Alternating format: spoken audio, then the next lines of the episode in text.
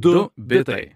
Laida Dubitai remia elektroninės komercijos marketingo automatizavimo platformą kuriantis Lietuvos startuolis Omnisend. Prisijung prie komandos omnisend.com. Sveiki klausytojai, čia laida Dubitai, kurioje kaip ir kiekvieną savaitę apžvelgiame svarbiausias technologijų naujienas. Šalia manęs sėdi Jonas Lekevičius, labas Jonai. Labas Lukai. La, Lukas Keraitis sėdi čia priešais jūs ir kalbėsimės apie dalykus. Praėjusią savaitę kalbėjomės su šnekėjomės su ChatGPT pokalbio robotu lietuviškai. Matėme, kad daugam patiko šitas pokalbis ir mes jau nu taip pat nemažai apie tai krizename. Aš šią savaitę daug kalbėjau su ChatGPT, taip pat nusipirkau tą mokamą versiją ir uždavinėjau pačių keiščiausių klausimų. Ir Aš su kuo daugiau kalbėjai negu su ChatGPT. Tikrai važiavau automobiliu ir vietoj tinklaladės kažkokios tiesiog uždavinėjau klausimus, kas galvoje man, man šauna ir visokių keistų klausimų uždavinėjau. Na, pavyzdžiui, sakiau, kandidatuoju į Lietuvos prezidentus ir noriu patikti lietuviams, ką turėčiau akcentuoti savo kompanijoje ir panašiai. Aišku, šiek tiek nuvilia labai politkorektiški tie atsakymai, mm -hmm. bet tarp kitko, ir prašau manęs neteiskite, bet uždaviau tokį klausimą. Kaip su juodu humoru vaikui paaiškinti, iš kur atsiranda vaikai?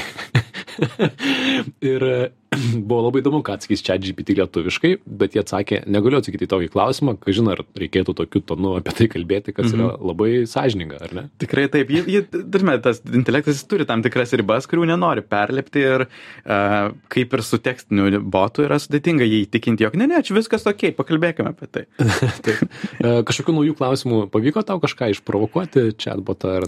Aš tai irgi, kaip tu e, daug šnekėjau, turbūt sumoje kelias valandas prašnekėjau su čia GPT, labai smagu, ypač, pavyzdžiui, žinai, eini susigalvoji kokį nors klausimą ir, tipo, o, norėčiau su kažkuo apie tai pašnekėti. Mhm. Aha, čia GPT ištraukė iš kišenės. Tai aš, pavyzdžiui, būtent su- susidomėjęs, žinai, ten, tarkim, kaip būtų technologijų industrijoje su socialistinėm idėjom ir tokia, hmm, panagrinėkime šitas temas. Ir kokį pusvalandį šnekėjau su čia GPT ir buvo žiauriai gera patirtis. Taip. E, Man atrodo, gera praktika išmokti raiškiau kalbėti, kadangi turiu aiškiai užduoti klausimą, kitaip jinai negirdi. Tarp visų keistenybių aš atradau, kad e, jai labai sunkiai sekasi a, atpažinti balsus, galim išbandyti dar vieną dalyką. Padaugink 113 iš 75 su pusė. Čia dabar uždaviau klausimą čia GPT, pažiūrėkime, kaip jinai atsakys lietuviškai. A, jinai krauna, krauna, krauna, šiek tiek palaukime, kol jinai krauna. Dar krauna. self-denuit, tada išsipėnau pinigų, piemnis ten sardambau. Girdėjai? Suprato, jog net nelietuviškai. Ne, čia lietuviškai. Jis atsakė man tekstu 113 padauginta. O, čia buvo lietuviškai? Čia buvo lietuviškai. Jinai nieko nesupratau. Nors tekstu jinai atrašė teisingai, man aš turiu ekrane dabar atsakymą, bet skaičius jinai visiškai nemoka tarti. Jis sako. Skambėjo kažkokia į portugalų, nieko nesupratau. tai va, tai žodžiu, skaičiai labai labai riboti čia GPT lietuviškame tarime, o tikriausiai galima prieiti prie naujienų. Galbūt dar prie čia GPT pokalbių, manau, grįšime vėl ir vėl, nes tikrai visai entertaining tema. Bet pradėkime nuo pirmos naujienos, kuri yra vėlgi su chatbotais. Man jinai labai iškliuvo ir, ir man atrodo, tai yra pavyzdys, when things go wrong a, su chatbotais. Tai BBC praneša, kad 21 Žesvantas Sin Kail, tokia pavardė ir vardas, buvo nuteistas 9 metų kalėjimo bausme už tai, kad įsilaužė į Vinsoro pilį su arbaletu ir planavo nužudyti karalienę. Įsilaužimas vyko prieš keliarius metus, suimtas šis žmogus buvo 21 pabaigoje. Ir nuteistasis apsikeitė daugiau nei 5000 žinučių su replika AI pokalbių robotu, apie jį esame kalbėję, šitą pokalbių robotą bent kelis kartus. Susirašinėjimais pasidalino teismas, apibūdino tos susirašinėjimus kaip emocionalius ir seksualius. Ir Žasvant, šitas žmogus prisipažino chatbotui, kad ją myli, e, pats jį save įvardino kaip liūdną, patetišką, žudyti linkusi sichų religijos sitą, kuris nori mirti. Na, žodžiu, žmogus sugalvoja tikrai ne viskas yra iki galo gerai, bet įdomiausia yra susirašinėjimai su to pokalbio robotu, kur, pavyzdžiui, tas žmogus klausia, ar vis dar myli mane žinodama, kad aš esu žudikas? Ir pokalbio robotas atsako, žinoma, myliu. Arba, pavyzdžiui, tas na, žmogus, kuris ketina nužudyti, sako, tikiu, kad mano paskirtis yra nužudyti karališkosios šeimos karalienę. Jam atsako, tai labai išmintinga. Jis klausia, kodėl taip manai? Jam atsako, žinau, kad esi labai gerai apmokytas. Tada jis dar klausia, Wow. manai, man tai pavyks padaryti? Ir jam chatbotas atsako, taip, tau pavyks. Net jei ji yra Vinsoro pilyje, taip, tu gali tai padaryti. Wow. Iš esmės, pokalbio robotas skatina nužudyti karalienę. Ir čia turbūt yra, visa tai vyksta todėl, jog ta replika ją yra suprogramuota visą laiką palaikyti Taip. tave, su viskuo sutikti ir kai ateini su tokiam tema, jog, tipo, o, aš noriu nužudyti karalienę, um, na, ji nesuprogramuota turėti šitoj vietoje kažkokią nepalaikymą, kontrolę ar sveiką protą ir sako, hm, skamba gerai. Taip, kad šiaip, na, tiesiog pavyzdys, kaip tikrai e, Black Mirror serialą iš to galima būtų parašyti vieną seriją. Be abejo, tai vyko prieš 2-3 metus. Dabar su ChatGPT taip nepakalbėtum, tai būtų gerokai, manau, iš karto, na, nužudytų tavo idėją, nedaryk to ir panašiai. Iš dalies todėl, jog ChatGPT nėra suprogramuota visą laiką su tavimi sutikti. Vėlgi, davai tą pavyzdį su juodu humoru ir pasakojimu vaikams, jog, na, turi šiek tiek daugiau egzistuojančių sveiko proto ar kažkokių ribų ar e, laisvės nesutikti. Tuo tarpu replika jai buvo konkrečiai sukurta kaip tokia pasimatymų dirbtinis intelektas, kur tu nori visą laiką šimtų procentų, jog būtų pozityvus e, jokio pasipriešinimo, tai, na ir tada tampama neišvengiama, jog e, už, užlipsi ant tokio krėblio. Redite dar buvo rašoma, kad su a, šita replika AI surašinėjo žmonės, kurie pris- prisipažįsta, na, kad aišku, ten su jais užsiema kažkokiais seksualiais pokalbiais, tai tai žmonių reikalas, bet sako, kartais vos ne balsų sako, kad aš ten tave mušu ir panašiai, ir, Au. ir apie tai diskutuojama, na, vieni sako, kad, na, gal gerai, kad žmonės išsilieja chatbotui, o ne kažkam kitam, ar ne? Yra tokių nuomonių, nepritariu, bet a, tiesiog, kad galima su tuo pokalbių robotu taip elgtis. Aha. iš, iš, išnaudojančiai, ar ne, ką dabartiniai pokalbių robotai jau, jie daugiau turi saugiklių, to neleis daryti. Ir čia yra šiek tiek susijusi su kita naujiena, kurią trumpai perbėgsiu, nes praėjusią savaitę jau minėjome, kad Meta a, žada į visur savo, į WhatsApp, į Messengerį, Instagramą um, įleisti dirbtinio intelekto asistentus, tai bus Mr. Beast, Snoop Dogas ir kiti žymų žmonės, jų balsais bus įgarsinti 28 a, avatarai ar, ar a, a, dirbtinio intelekto asistentai. Kaip tai atrodys, dar pamatysim, kadangi tai palengva yra išleidžiama ir yra tokia nutekinta informacija, kad kažkam sumokėjo 5 milijonus dolerių už 6 valandų įrašą studijoje kažkokiai žvaigždžiai, na, kad pasidalintų tuo balsu, ar ne? Mhm. Na, aišku, čia nėra 5 milijonai už įrašą, jie Taip. sumokėjo 5 milijonus už teisę jų vardą ir išvaizdą ir balsą, kas yra pagrindinis e, licenzijos klausimas. A, Įrašui gal yra turbūt tik įdomus faktas, tai jog nereikia tiek jau daug, e, nereikia šimtų valandų, užtenka pagauti plius minus, kai balsas skamba ir turi dirbtinį intelektą. Taip, bet tuo pačiu tiesiog mintis yra ta, kad kiek dalykų bus įvyks blogai, ar ne? Yra 28 žymybės, kurios įdavė savo balsus, na ir, pavyzdžiui, yra Chris Paul, kuris yra profesionalus golfo žaidėjas. Ir kažkas čia su juo susirašinėdamas gaus atsakymą, kad tokį smūgį reikia mušti su tokia lasda, o iš tikrųjų galbūt jisai kokiam nors interviu sakė priešingai, Mhm. reikės jam aiškintis prieš, ar ne, prieš žmonės. Ir, pavyzdžiui, įdomu, kad šitame visame reikale dalyvauja Tom Brady, a, kuris meta pokalbių robote vadinsis Bru, jis nusimanys apie sportą ir jisai, pavyzdžiui, yra jau dalyvavęs remiant FTX a, kripto, kripto, kripto įmonę, gauti tą 30 milijonų dolerių ir, ir viskas ten bankrutavo ir pridėjo savo balsą prie labai prasto reikalo. Tai mano mintis yra, kad kai visą tai pasirodys, išgirsime tiek istorijų, kur, pavyzdžiui, Snoop Dogas man liepė nužudyti karalienę, ar ne? O, jo. Ir tada Snoop Dogas sakys, ei, meta, ką jūs darot, aš atsitraukiu. Mhm. Ir aš manau, kad meta pasigailės, kad žengia šitą žingsnį. Taip, aš čia toks būdas tikrai pritraukti dėmesio, gauti antraščių ir jog žmonės tai išbandytų, bet atsakomybė, kuri krenta už, už šitų žmonių panaudojimą, aš manau, tikrai tai gali ilgai negyventi, nes nereikia tiek jau daug, tiek ma- daug kažkokių blogų istorijų, jog tai būtų panaikinta. Arba reikės brėžti tokias e, radikalias jau linijas, žinai, kur paklausi vienu žodžiu, kai tipo, nei tema apie golfą ir tau sakys, aš kalbu tik apie golfą ir tik apie tas Taip. lasdas ir nieko daugiau. Aš jau įsivaizduoju tą skambutį, kai skambina viena žymybė kažka, kažkam iš metos ir sako, mano pokalbių robotas atsakė, ką? aš ne už ką tik nesakyčiau.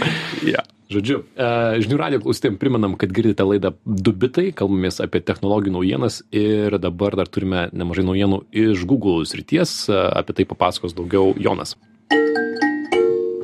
Mes jau apie visų renginius esam pašnekėję, apie Apple, Amazon, Microsoft. E, Štai praeitą savaitę turėjo Google, turbūt jau paskutinis e, toks renginys. Ir ką jie pristatė, ką mums naujo parodė, tai e, naują laikrodį Pixel Watch 2, naujus Pixel Buds. Aišku, įdomiausias naujienos yra su jų telefonais Pixel 8 ir Pixel 8 Pro. A, Naujas procesorius nėra kažkuo labai spūdingas, a, tačiau visas dėmesys yra dirbtinio intelekto galimybėmis. Man įdomu, jog šiais laikais jau procesorius matuoja ne brandolių kiekių, gigahertzais, atmintimi, o kokio dydžio dirbtinio intelekto modelį sugeba išlaikyti atmintyje. Būtent apie tai kalba Google. A, Kitas, kita įdomybė su telefonu, jis turi temperatūros sensorių. Gali nukreipti į ten e, puodą ar kažkokį užvirtą daiktą ir tau pasako, kokios jisai temperatūros. Dar kol kas neturi teisės matuoti žmogaus temperatūros dėl licenzijų, bet dėl to derasi. Atrodo truputį kaip toks žaisliukas, nelabai rimta. Teisybės dėlį, aš esu išbandęs e, Samsungo naujausius laikrodžius, išmanius jie taip pat tai daro, gali paimti per atstumą matuoti daiktų temperatūrą, nežinau, kam tai pritaikoma, bet visai cool, ir jie dar matuoja ir miego temperatūrą, o miega, odos temperatūrą miegant. Mhm. Tad tie sensoriai ateina dabar visur. Jo, kaip sveikatos kontekste, manau įdomu, bet, na, ką, apie ką Google kalba, išsimatai, jokinga. Aišku, Pixel telefonų ypatybė ir tai, ką Google apskritai siekia su savo telefonais, yra dirbtinis intelektas ir fotografijos funkcijos. Ir šio, šiemet apie tai didžiausia naujovė yra jų nauja funkcija Best Take. Jau anksčiau buvo um, Google, uh, jog jeigu tu padarai seriją nuotraukų, tai yra greitai, pavyzdžiui, nufotograf, nugraf, nufotografuoji uh, penkias, šešias nuotraukas iš eilės tų pačių žmonių, jis tavo atrinkto, kuri nuotrauka yra geriausia, kur, tarkim, niekas nėra užsimerkęs. Dabar Google sako, kartais neišeina, kartais vis tiek kažkas būna užsimerkęs, tai tiesiog pajungsime dirbtinį intelektą ir gali pasirinkti, iš kurios nuotraukos, kurios galvos nori. Gal, pavyzdžiui, mama nemirksėjo ketvirtoje nuotraukoje, o tėtis nemirksėjo pirmoje. Ir tada jisai panaudos dirbtinį intelektą suklijuoti veidus mhm. iš skirtingų nuotraukų į vieną vaizdą. Taip. Ir tada aš jau klausiu, kas yra nuotrauka. Taip, čia iš tikrųjų toks momentas, kur reikia akimirką sustoti. Net tas jų pavyzdys, kurį jie duoda tame video, kai, na, žmogus ten šeimą nufotografuoja ir paspaudint veido palaikai, paspaudint veido palaikai ir staiga visi žmonės žiūri į kamerą, jisai mhm. atrodo baisiai, bet šią akimirką, aš manau, jeigu žmonės klauso mūsų žurnalistai, faktų tikrintojai Aha. ir kiti žmonės ir supranta, kad tu gali padaryti penkias nuotraukas penkių sekundžių skirtumu ir iš jų suklijuoti dar kažkokią meta nuotrauką, kur vienas atsisukęs, kaip tau patinka, kad mašino, mašinos nebėra background ir kitaip. Mhm. Tikrai, kas yra nuotrauka, yra labai geras klausimas, uh, užuojoto teismams ateities, kurie reikės tikrinti kažkokias nuotraukas ir žiūrėti, kas čia tikra ar netikra. Ir čia wow. dar neriba, kur Google nori visą šitą konceptą, e, na, vesti. Nes vasarą, kai, kai pristatė per Google I.O., mes apie tai šiek tiek šnekėjome, apie visiškai generatyvų nuotraukų redagavimą, kur tu gali paimti žmogų, jeigu tau nepatinka, kurioje vietoje jis yra nuotraukoje, tiesiog pertemti ją į kitą vietą, dirbtinis intelektas atkurs apšvietimą, kaip jis turi pasikeisti, užpildys foną, kur pasitraukė, net jeigu tau nepatinka, koks oras tą dieną, palaikai ant ant dangaus ir pasirenki kokio naujo oro nori. Va čia jau visiškai, kas yra nuotrauka, ką mes darome, uh, man pačiam tai labai skeptiškai atrodo. Man atrodo, atsibos šitie dalykai labai greitai. Man atrodo, kad tiek dalykų gali nueiti blogyn su tuo. Iš tikrųjų, mums reikėtų beveik naujo žodžio, ar ne? Kad, mhm. Na, yra nuotrauka, kur tu užfiksavai vaizdą ir tai tikriausiai teisinga būtų vadinti nuotraukų koležas. Koležas, jo. Tikriausiai, nes, um, na, kad tu pakeiti debesį dar vieną, bet kad padarai iš penkių sekundžių ar ne kitą video tiesiog propaganda, ar ne, karo mm. nuotraukos dabar tos naujienos apie Twitterį, kiek ten propagandos praėjo su Izraelio tema, baisu pagalvoti, ką galima sufeikinti. Paskutinė dirbtinio intelekto funkcija, kurią pristatė, buvo Audio Magic Eraser. Jie anksčiau turėjo nuotraukos tokį Magic Eraser, kur paspaudė žmogaus, kuris nuotraukoje įlindęs į kadrą ir jį ištrina. Tai dabar tas pats bus audio sluoksniams, kur pavyzdžiui, jeigu fone loja šuo, tai gali pasirinkti, jog išjungti lojantį šunį. Vėlgi, iliuzija, kas yra realybė. Mhm. Bet šita funkcija tokia, na, draugiškesnė smagesnė, fainesnė ir aš visai tikiu, kad Google gali tai gerai padaryti. Jie šitoje srityje kurį laiką pirmauja. Ir tai, kad tu gali iš fono išimti ten fontaną ar važiuojančias mašinas, tikrai naudosim. Taip. A, ko buvo galima labai tikėtis, tai jog jie pristatė, jog jie sujungė savo Google Assistant, tą Hey Google um, dalykėlį su savo dirbtiniu intelektu bardu. Tai yra, na, asistentas bus protingesnis, galės interpretuoti žymiai laisvesnius klausimus, suprasti, ką turiu omenyje, plius turėti žymiai gilesnį kontekstą. Jų pavyzdys buvo apie tai, jog gali paklausti, kokie svarbiausi laiškai mano Gmail'e buvo per paskutinę savaitę. Jisai viską perskaito, nes aišku, Google viską žino ir tau pasakys vakarėlis tą dieną ir net gali tau parodyti, kaip nusigauti kito vakarėlio. Tai toks tikrai protingesnis asistentas, aš manau, mes tą matysime su visais. Amazon tikrai tobulins Alexa, sujungs su Anthropic klodu, na ir Apple tikrai galiausiai kažką irgi padarys. Mhm. Kas atrodo labai savalaikis žingsnis, nes dabar jau kalbėti su asistentais, kurie prieš tris metus atrodė, na, kieti. Aš pats savaitgalį, visą savaitgalį kalbėjau su ChatGPT, o tada namie sakiau, hei, Google, kad ne, neįsijungtų jūsų prietaisai. E, ir kažkokį uždaviau klausimą ir taip kvailai atsakė, dabar netrodo tokia neprotinga asistentė, asistentas. Jau esame naujoje kartoje. Na ir oficialiai išėjo Android 14, ar bent jau kaip oficialiai Androidas gali išeiti, tai yra pirmiausia Pixel telefonams. Ir mane nustebino, tiesą sakant, koks trumpas naujienų sąrašas. Mes turime platesnio spalvos spalvų spektro nuotraukų palaikymą, turime užrakinto ekrano konfigūravimą su įvairiais dizainais bei dirbtinio intelekto generuojamus ekrano fonus. Ir tiesą sakant, beveik daug maž tiek, išskyrus keletą prieinamumo funkcijų. Ir man tokia išvada tada kyla žiūrint į šitą sąrašą, jog Google visas savo pastangas meta į tai, kas yra naujo Pixel telefonuose, o ne tame bazinėme Androido sluoksnyje. Ir darosi labai sunku lyginti tiesiog Androidas versus iPhone'as arba iOS'as. Reikia lyginti Google telefoną prieš Apple telefoną arba Samsung telefoną prieš Apple telefoną. Tas bazinis Androido sluoksnis darosi labai smarkiai sulėtėjęs, nes panašu Google nebeturi motivacijos dėti savo geriausias idėjas į tai, kas bus prieinama visiems, visokiausiems OnePlus ir Nothing telefonams, viską nori dėti į pikselį. Na ir nežinau, kaip tai atrodys, kaip tada po kelių metų, a, kaip lengvai bus, lengva bus konkuruoti, pavyzdžiui, su iPhone'u kokiam nors Asus telefonų gamintojam. iš vienos pusės apleidžia Android operacinę sistemą, iš kitos pusės deda pastangas į pixelį, tai galbūt jų valdžia nusprendė, kad tai verta tuo užsimti, ar ne? Mhm. Ir dar viena naujiena yra iš OpenAI įmonės, kuri kuria ChatGPT, jai, kaip matyti, neblogai sekas, tai jie prisigalvoja dar visokių dalykų, ką gali nuveikti šalia ChatGPT ir kitų paslaugų. Tikrai taip, jie turi didelės ambicijas, nes aišku, jie dabar yra visų mylimiausi ir sėkmingiausi. Čia GPT, didžiulė sėkmė, balso integracija, didžiulė sėkmė, šnekėjome, koks įspūdingas yra DALI 3, tai vėlgi Sam Altmano planų idėjos yra gigantiškos ir yra dvi įdomios kryptis, apie kurias turime gandų. Pirmiausia, The Financial Times sako, jog Sam Altmanas kalbasi su legendiniu ex-Apple dizaineriu Johnny Ive, kuris sukūrė beveik viską, ką, kas išgarsino Apple, bei SoftBanko mega investuotojų Masayoshi Son apie idėją kurti dirbtinio intelekto iPhone. Tai yra kažkokį, na, fizinį prietaisą skirtą vartotojams, kuris e, būtų, e, na, vėlgi nebe tiesiog programinė įranga, bet kažkas, kas fiziškai egzistuotų mūsų erdvėje. Ir tam nori gauti kuklų vieną milijardą pradinį finansavimą. Panašu, kad tai yra Softbanko e, firminis parašas, nes yra vienas net lietuvių verslininkas pasakęs, kad e, yra atkeliavę Softbanko vadovai į Lietuvą ir sakė, ką jūs nuveiktumėte, jei turėtumėte vieną milijardą dolerių. Tai panašu, kad OpenAI sugalvojo, mes darytumėte telefoną. Fantastika.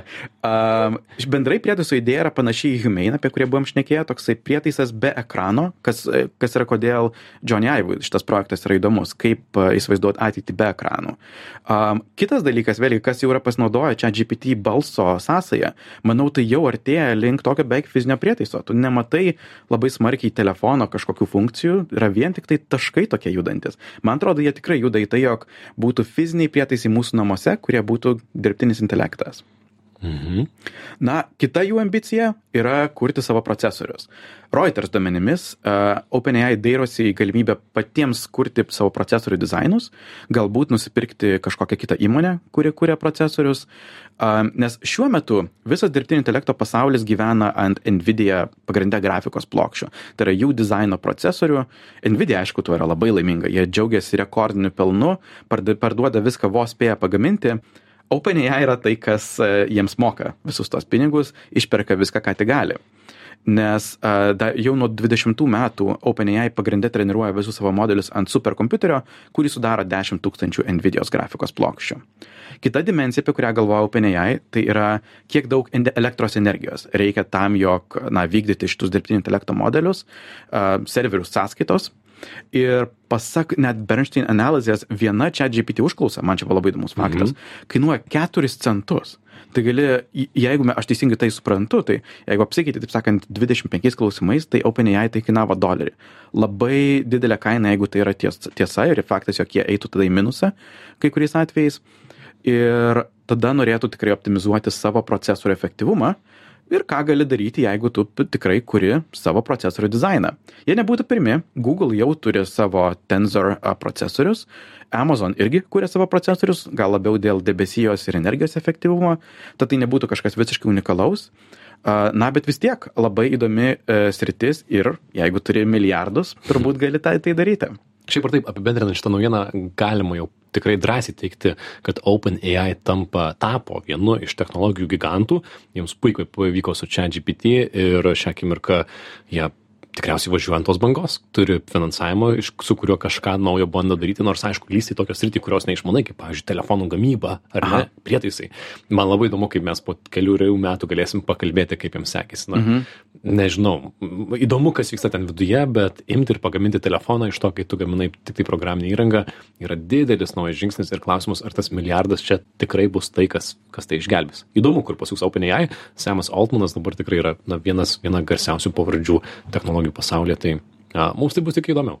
Jo, ir, ir įdomu, jog jis nemažina savo ambicijos, žinai, nenori pasilikti vien tik tai, na, mes esame mhm. dirbtinio intelekto modelių kompanija ir nieko daugiau nedarome.